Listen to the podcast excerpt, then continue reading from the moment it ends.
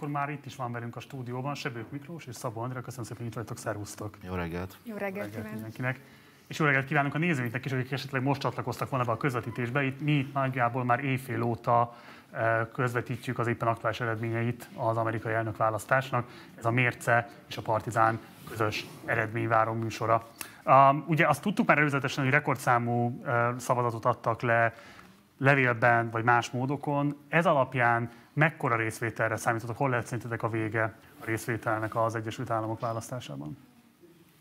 minden bizonyal rekordszámú lesz, akár 160 milliós részvétel is lehetséges, sőt vannak olyan becslések, amelyek még ennél is magasabb részvételre számítanak. Ezt most még ebben a pillanatban szerintem nem tudjuk. Hát ugye 100 millió körül volt másfél nappal ezelőtt a levélszavazatoknak, illetve az előzetes eladott szavazatoknak a száma. Ehhez jött az, amit tegnap ugye személyesen leadtak, úgyhogy meglátjuk szerintem. Jó magas lesz. Miklós? Rekordszám az, amiket látunk, minden, tehát több államban is megdöntötték az eddigi rekordokat. Évszázados rekord fog megdőlni, ez a legvalószínűbb. Jó, kérem a kollégát, hogy adjuk be azt a térképet, amelyen lehet látni azt, hogy az egyes államoknál milyen ö, döntés született, és akkor arra kérném elsőként Miklós, de majd Andrea is készüljön rá, hogy válasz ki azt az államot, ami számodra a legmeglepőbb volt, hogy akár demokrata, akár republikánus irányba döntött egyik vagy másik jelölt mellett. Melyik állam volt, ami a leginkább meglepett téged a mai este folyamán? Hatalmas meglepetések nincsenek, alapvetően az a kiinduló pont, ami 2016-ban is volt. Én Floridát korábban egyéb rendezvényeken is egy, egyértelműen republikánusnak láttam.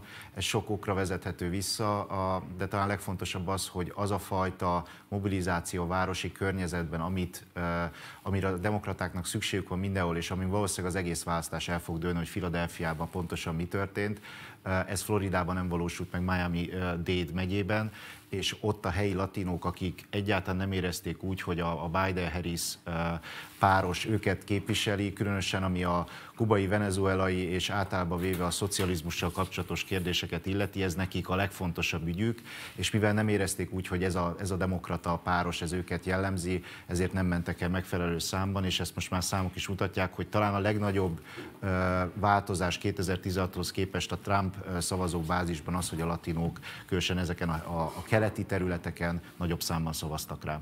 Köszönöm, Andrea. Nekem a legnagyobb kérdés Pennsylvania, hogy vajon ott mi fog történni. A, a végső eredmény valószínűleg ezen az államon fog múlni. Hogyha ránézünk a térképre, akkor látható, hogy az államot körbeveszik demokrata államok, a másik oldalról meg egyébként ott vannak republikánusok, például Ohio. Ez pont középen van a kettő között, és az a kérdés, hogy melyik irányba fog eldőlni, amit az előbb hallottunk. Most ebben a pillanatban a szavazatok eddigi feldolgozottsága inkább Trumpnak kedvez. Abban a pillanatban, amikor megkezdődik újra ott a számlálás, az azt jelenti, és Trump irányába eldől, az azt jelenti, hogy a választás is el fog nagy valószínűséggel Trumpnak dőlni, és akkor ő lesz újra az Egyesült Államok elnöke. Ezt még nem tudjuk, mert nagyon magas a levélszavazatoknak a száma ebben az államban, és minden előzetes mérés azt mutatja, hogy a levélszavazatok viszont inkább Bidennek kedveznek. Tehát ez egy tényleg kiélezett csatatér állam lesz, a szó legszorosabb értelmében. Ezen kívül egyébként hol láttok még az eldöntetlen államok között olyat, ami kifejezetten éles csatatér lesz, és érdemes mondjuk a nézőinknek figyelmüket rá irányítani?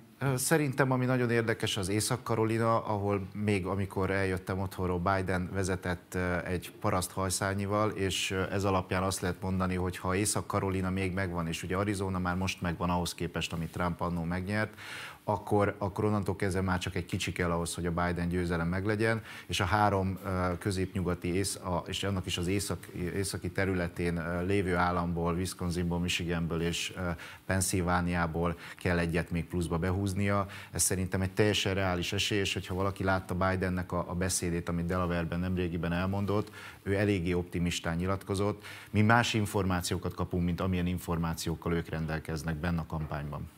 Egyébként Bidenre visszatérve olvastam egy Facebook posztját, ahol még fél órával ezelőtt is, vagy 40 perccel ezelőtt is arról beszélt, hogy meg lesz srácok, tehát hogy nagyon optimista megjegyzéseket tesz a médiában, hogy aztán majd ez mi fog történni, ezt nem tudjuk. Lehetséges, hogy két-három napot is kell várnunk, mire végső eredmény lesz. Ugye ez az, ami a legfontosabb kérdés most, hogy a levélszavazatok mikorra érkeznek be, és mikorra tudják feldolgozni, és ebbe adott esetben még jogi kérdések is lehetnek, tehát még adott esetben az alkotmánybíróság is bele tud szólni, mármint hogy a legfelsőbb bíróság is bele tud szólni ebbe a kérdésbe mit prognosztizáltok, bár nagyjából kiolvashatom az eddigi válaszaitok alapján, de mégis a műsoridó vége előtt, ami ugye 10 órakor lesz, lesz esélyünk kihirdetni győztest az elnökválasztáson?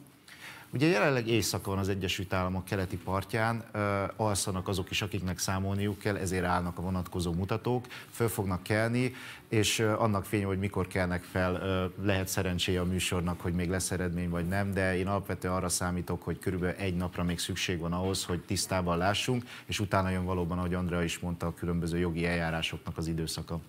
Teljesen egyetértek Miklóssal, valószínűleg minimum 24 óra azt, hogy legalább tájékozódás szintjén legyen egy eredmény, és utána, ami azt következik, az meg már egy következő játszma lesz. Az egy nagyon komoly jogi és politikai típusú játszma lesz. Tehát a politikát fel fogják tenni jogi szintre. Miklós, ugye Trump 2016-ban egy lázadást hirdetett meg a gazdasági, politikai hatalmi establishment szemben. Nagyon erőteljes része volt a kampánynak, és erről beszéltünk is az este folyamán több vendégünkkel, hogy azt ígérte, hogy föllép azokkal az elit csoportokkal szemben, akikre megpróbálta kiélezni az amerikai csalódott választók haragját. Te most így négy év vel a megválasztása után, amikor lehet már értékelni az elnökségét. Hogy látod, mit tudott valóra váltani ebből a lázadásból? Mi az, amit ténylegesen meg tudott változtatni a státuszkón? Azt mondom, hogy elsősorban a, ő a kulturális értelemben képvisel választókat, és nem gazdasági értelemben. Ha megnézzük mondjuk az adópolitikáját, nem lehet azt mondani, hogy, hogy ez azoknak a, a akár michigani, akár penszilvániai vidéki településen élőknek lenne kifejezetten kedvező, hiszen a legnagyobb kedvezményeket a multinacionális cégek és a leggazdagabb egy százalék kapja a, a Trump és általában véve a republikánus adminisztrációk alatt az elmúlt húsz évben. Másfelől viszont sok szempontból képviseli őket például azáltal, hogy a, az ígéretét a falnak a megépítése kérdésre vonatkozóan legalább részben teljesítette, és nagyon határozottan kiáll olyan fontos értékek mellett, mint például az, hogy az abortuszhoz való jogot korlátozzák az Egyesült Államokba, nagyon határozottan fellép akkor, amikor üresedés van a legfelsőbb bíróságon, és megpróbál olyan embereket betenni, akár olyan embereket is, akik láthatóan az előzményeik alapján nem biztos, hogy erre alkalmasak, mint azt a Keveno esetében láttuk. Tehát mindent megtesz azért, hogy a lehető legradikálisabb jobboldaliakkal töltse fel a legfelsőbb bíróságot, mert pontosan tudja, tudja, hogy ahogy 2000-ben lehet, hogy akár a saját sorsa is ettől fog függeni. Hasonló, tehát egy nagyon erősen konzervatív, kulturális és jogpolitikát folytat, Trump elnök, úgyhogy ha ő marad az elnök valószínűleg a következő négy évben, amikor már úgymond szabadon tud kormányozni, hiszen tudja, hogy már még négy év nem várható, bármi előfordulhat. Tehát ő, ő azt hiszem, hogy a, most még nem tudunk olyan forgatókönyvet mondani, amire ő ne lenne képes, hiszen teljesen váratlan húzásai is tudnak lenni. Úgyhogy akár a világpolitikában, külpolitikában, akár a belpolitikában is teljesen váratlan húzások várhatók tőle, hiszen már nem fogja kötni azt, hogy újra választák, vagy ne választák újra. Ez a bénakacsa jellegű négy év, amiről szoktak beszélni, szerintem ez most nem lesz, hanem inkább szabadon szárnyaló Trump elnököt fogunk majd látni. Az eddigi eredmények tükrében te látsz-e bárhol olyan drasztikus választói átrendeződést, amit érdemes megjegyeznünk. Tehát látsz-e bármilyen olyan államot, ahol akár demokratából republikánusból, republikánusból demokratába váltottak volna döntően a szavazók, és ha igen, akkor mit sejtesz, mi áll -e mögött? Nem, itt, nem is az elsősorban az államokról kell beszélni, hanem szavazói rétegekről kell beszélni. Uh-huh. Ugye 2016-ban arról beszéltek, hogy azért nem győzött Clinton asszony, mert a fehér szavazókat, és ezen belül is a fehér férfi szavazókat nem tudta megszólítani. Azt mondták, hogy minden mérés a latin, illetve a fekete szavazók azok, akik Clinton, elnök asszony, Clinton asszony mögött álltak, és a fehér szavazók pedig elsősorban Trump mögött úgy tűnik, hogy ezen a téren van némi elmozdulás, csak éppen nem Biden javára, hanem Trump javára. Amiket én láttam exit polokat, abból az derült ki, hogy akár a fekete lakosság, akár a latinó lakosság egy része legalább két 3 százalék, és ez adott esetben nagyon sokat jelent, Trump mögé állt. Szerintem elsősorban a fegyverviselés az, amelyik egy ilyen döntő kérdés lehetett ezen a téren azt lehetett látni az utóbbi időszakban, hogy nagyon erősen megnőtt az igény a nem fehér lakosság körében is a fegyverviselés érdekében, és ez az, amit határozottan Trump is képvisel. Tehát minél inkább fegyvert viselni, úgy megvédeni saját magunkat, tehát az önvédelmi iránti igény, és úgy néz ki, hogy bizonyos társadalmi rétegeknél ez nagyon kedvező fogadtatást keltett, és pont olyan csoportoknál, amelyek korábban a hagyományosan demokrata szavazók voltak. Mit gondolsz a fegyverviselés törésvonaláról, Miklós? Azt gondolom, hogy ez egy komplex kérdés olyan értemben is, hogy melyek azok a csoportok, amelyek viszont nem támogatják. Például az elővárosi nők esetében, akik szintén fontos tagjai voltak az eredeti Trump koalíciónak, pedig egy másik irányú visszarendeződés lehet látni. Ők tényleg úgy érzik, hogy ez a, egyfelől a harcias retorika, másfelől az, hogy elárasztják fegyverekkel az országot, ez, ez az ő életüket is fenyegeti, és nem véletlenül, hogy a Trump könyörgött gyakorlatilag már az utolsó hetekben, hogy legyetek szívesek, szavazzatok rám ezekkel a szavakkal. Tehát azt gondolom, hogy a, van egy olyan oldal, oldala az éremnek, hogy nyilvánvalóan csoportok úgy érzik, hogy képviseli őket a Trump a fegyverviselés ügyébe, más csoportok viszont éppen, hogy fenyegetve érzik ezáltal magukat. Az is kérdés, hogy mennyien voltak olyan szavazók, akik titkolták az elmúlt időszakban a végső szavazatukat, illetve nem tudták, hogy kire fognak szavazni, és csak az utolsó pillanatban döntötték el. Magyarán mondva szerintem a kampánynak ebben az időszakban most óriási jelentősége volt, egyébként szerintem 2016-ban is, de az utolsó két hét összes mérése azt mutatta, hogy Trump nagyon erőteljesen jött fel, nem függetlenül attól, hogy milyen erős kampányt folytatott, ráadásul személyes kampányt folytatott, és ez nagyon érdekes, hogy a koronavírus járvány ellenére kimerészkedett, és több ezres nagy kampányrendezvényeket tartott. Hogy ennek milyen következményei lesznek majd egyébként, ez egy másik kérdés. Közben Guardian beszámolója szerint Trump elnök hamarosan egyébként beszédet fog tartani a Fehérházban mekkora a tényleges társadalomformál ereje az elnöknek. Ugye a pozícióval szemben kritikusok azt szokták felvetni, hogy ez alapvetően külpolitikai kérdésekben, hadügyi kérdésekben tud igazából döntést hozni, de hát az egyes állami törvényhozásoknak is nagyobb befolyása van például a helyben élők életkörülmények az alakítására, mint mondjuk az elnöknek. Mit gondoltok erről a kérdésről, Miklós? Jogi értelemben nyilvánvalóan vannak korlátai, tehát például az adókivetés joga az nem az elnöknél van, tehát ez magyar, magyarok számára ez egy furcsa helyzet lehet, akik ahhoz vannak hozzászokva, hogy van egy miniszterelnök, mögött áll egy kormány többség, és ők gyakorlatilag bármilyen kérdésben dönthetnek. Tehát nyilván az amerikai széttagolt alkotmányos rendszer korlátozza az elnököt, másfél viszont politikai értelemben egy, egy egységes masszáról beszélhetünk. Tehát az az idő már elmúlt, amikor a republikánus párton belül voltak antitrampisták, ilyesmiről már nincsen szó, gyakorlatilag csak az élt túl az elmúlt három-négy évben, aki egy az egybe beállt a Trump mögé, vagy pedig tényleg olyan karrier áll mögötte, mint a Mitt Romney mögött, hogy, hogy nem nagyon fenyegeti akármit csinál a Trump. Szóval azt gondolom, hogy a társadalomformáló hatás az, az, az maximális, és különösen ami a köz, közviszonyokat, a közbeszédet illeti, egy elképesztő hatást gyakorolt a Trump, amit az első elnök jelölti vitán láthattunk a maga valójába, és ott republikánustól demokratáig, demokratikus szocialistától libertáriusig mindenki elborzadva nézte, hogy hova jutott ez az ország. Maximálisan egyetértek azzal, amit elhangzott, tulajdonképpen az értékek világát tudja leginkább befolyásolni az elnök, és jól láthatóan Trump törekszik is arra, hogy befolyásolja, hogy milyen irányban megy az Egyesült Államok értékvilága, és hát, hogy ez jó-e egyébként nemzetközileg, és hogy hasznos-e, ez egy következő problémát jelent. Én azt hiszem, hogy a populista politikusok számára, amennyiben Trump lesz újra az elnök, ez egy megerősítő jellegű választás lesz, tehát meg fogja erősíteni azt a gondolatot, hogy jó úton járunk, hiszen Trumpot is újra választották, ez pedig akár a brazil elnökre, vagy itt a Európában a populista elnökökre, kormányfőkre is nagyon komoly hatást fog az újraválasztások szempontjából gyakorolni. Hogy értékelitek az előzetes közvénykutatások eredményeit most a valós eredményeknek a valamennyi értelmet ismeretében. Tehát, hogy 2016-ban számos kritika érte ezeket a közvéleménykutatókat azzal kapcsolatban, hogy képtelenek voltak a valós támogatottságát jelezni Trump elnöknek. Ugye nyilván azért az eredmény belejátszott a sajátos rendszer az elektori kollégiumnak, de most is azért van számos olyan állam, amelyben az előzetes becslések, még a különböző korrekciókkal ellátott becslések is messze fals képet mutattak. Mit lehet elmondani a közönségkutatóknak a teljesítményéről a mostani eredmények ismeretében?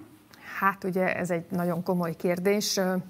Azt hiszem, hogyha most Trump lesz az elnök, és jelentős mértékben fogja növelni a szavazatainak a számát, akkor az biztos, hogy az egész közvéleménykutató szakmának újra kell definiálni magát, és át kell gondolni azt a módszertant, amit eddig használt. De mi a baj a módszertannal?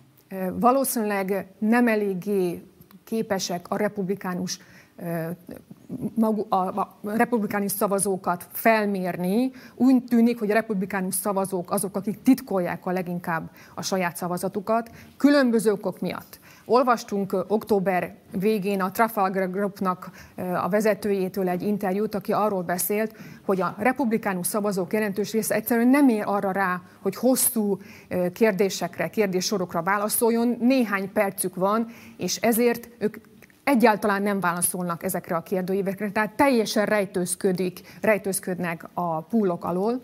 Ráadásul rosszul súlyozzák a különböző közvéleménykutató cégek ezeket az aktív szavazókat, akik egyébként az utolsó pillanatban döntik el, hogy melyik pártra szavazanak. Tehát szerintem hibás módszertan lehet az, hogyha az történik, hogy Trump lesz újra az elnök. Ugyanis a Trafalgar Groupon és egy-két közvéleménykutató cégen kívül semmelyik más nem volt olyan, amelyik azt mondta volna, hogy ne Biden legyen országosan a győztes, sőt, a legtöbb csatatér államban is, az utolsó néhány nap kivételével a legtöbb közvéleménykutató cég Biden győzelmét hozta ki. Azt gondolom, hogy ennél a probléma ráadásul általánosabb. Az egész liberális establishmentnek, amely a két parton, keleten és nyugaton lakik, egy, egy teljes elszakadása figyelhető meg az amerikai valóságtól. 2016-ban is ezt láttuk.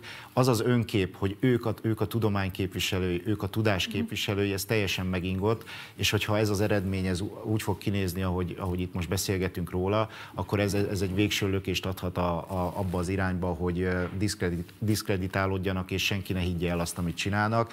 Szerintem nyilvánvaló, hogy a király mesztelen ilyen szempontból, a liberális média, a liberális közvélemény kutatók azok nem a szakmát képviselik úgy általában, hanem ők párt érdekeket is képviselnek, és, és szembe kell nézni azzal a helyzettel, hogy a republikánus párthoz tartozó kutatók egyszerűen jobb munkát végeznek, és felül kell bírálni azt, amit eddig csináltak. Nem hiszem, nem hiszem, hogy ez meg fog egyébként történni, ismerve az érintetteket, de elkerülhetetlen ahhoz, hogy választási győzelmeket arassanak a jövőben.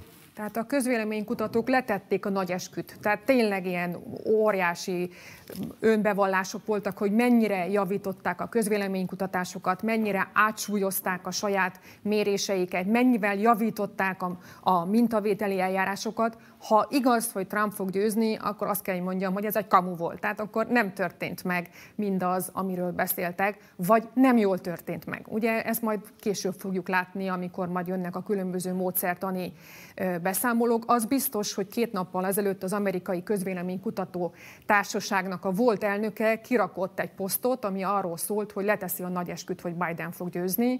Minden arra utal, hogy hogy Biden nyer, méghozzá sokkal fog Biden nyerni, és különböző bizonyítékokat is hozott, és arról írt, hogy minden rendben van a közvéleménykutatásokkal. A közvéleménykutatók nagyon sokat tanultak az elmúlt négy évben. Hogy ez így lesz hát ez most nem úgy tűnik. Zárásként mindenképpen nézzük meg a kongresszus és a szenátusi helyzetet, és akkor kérném szépen az ezzel kapcsolatos grafikánkat. Ugye itt lehet látni, hogy jelenleg hogy áll a helyzet ti milyen átrendeződést láttok, ha láttok egyáltalán bármilyen átrendeződést. Elsőként beszéljünk a szenátus kérdéséről. Miklós. Igen, a szenátusnál nagyon vérmes reményei voltak a demokratáknak, közben most már látunk eredményeket. Ugye lehetett nagyjából előzetesen tudni azt, hogy Kolorádóban a demokraták visszaszereznek egy helyet, lehetett tudni, hogy Alabamában elvesztenek egy helyet, és nagyon erősen lehetett sejteni, hogy Arizonában nyernek egyet. Tehát körülbelül ez volt a kiinduló pont. Ahhoz képest azóta minden rosszul alakul, mélyben Susan Collins viszonylag jól áll, Iowa-ban Johnny Earth nyert, és akkor még van egy-kettő billegő, alapvetően az Észak-Karolina az, ami kérdéses, de nagyon úgy tűnik, hogy még hogyha Biden nyerni is fog, és ezért az alelnök lesz az, aki eldönti az 50-50-es döntéseket a, a felsőházban, nagyon könnyen elképzelhető, hogy marad az eddigi republikánus többség, aminek hatalmas következménye van egy Biden adminisztrációra, hiszen egyfelől olyan jogaik lesznek, amelyek alapján vizsgálni tudják az adminisztráció ügyeit, elsősorban én a Hunter Biden ügy kivizsgálására számítok, másfelől pedig a, egyszerűen a kormány kormányzást is el fogják le- lehetetleníteni, hogy ezt mindig megpróbálják tenni, akkor egy, amikor egy másik pártállású elnök van. Andrea, akkor te is kérlek, hogy mondd el, hogy mi gondolsz a szenátusról, és utána mindenképpen meg a kongresszusra is térjünk rá, és kérem még továbbra is a grafikát. Köszönjük. Egyetértve Miklósra azt kell, hogy mondjam, hogy nem sikerült az áttörés a szenátusba a demokraták számára. Ez hosszú távon befolyással lehet egyébként a politikai élet alakítására, mert volt egy nagy célja a demokrata pártnak, méghozzá azt, hogy megváltoztassa a legfelsőbb bíróság jelenlegi összetételét, és kibővítse a legfelsőbb bíróságot. Ez biztos a jelenlegi viszonyok között nem fog megtörténni. Továbbá sem valószínű, hogy megtörténhessen, hogy két körzetet, ugye Washington DC-t és Puerto Rico-t teljes jogú államként fogadtassa el, ehhez is kellett volna a szenátusnak a többségi támogatása. Ha ez így alakul, ez nem, nem fog tudni átmenni, és ez is egy hosszú távú következményekkel járó átalakulást jelenthet. Hát sőt, még többre lett volna szükség, tehát még államokban a kétharmados ratifikációra és sok egyéb dologra, ami egy alkotmánymódosítással jár. Ami a házat illeti, ott minden változatlannak tűnik, és nem is... Kongresszus mondod most. A képviselőházat mondom, a kongresszus az a szenátus és a képviselőház összessége. Tehát a képviselőházban, amit lehet látni, az az, hogy majdnem minden változatlan, ami olyan szempontból fontos, hogy megmaradnak azok az ellenőrzési jogai Nancy Pelosi házelnöknek, amivel eddig rendelkezett, és ami például az impeachment eljárás elindításához vezetett. Szóval ilyen értelemben ez, ez egy fontos fegyvertény a demokratáknak, hogy legalább ott nem állnak rosszul, és nem úgy tűnik, hogy elveszítik ezt a, ezt a házat. Anda?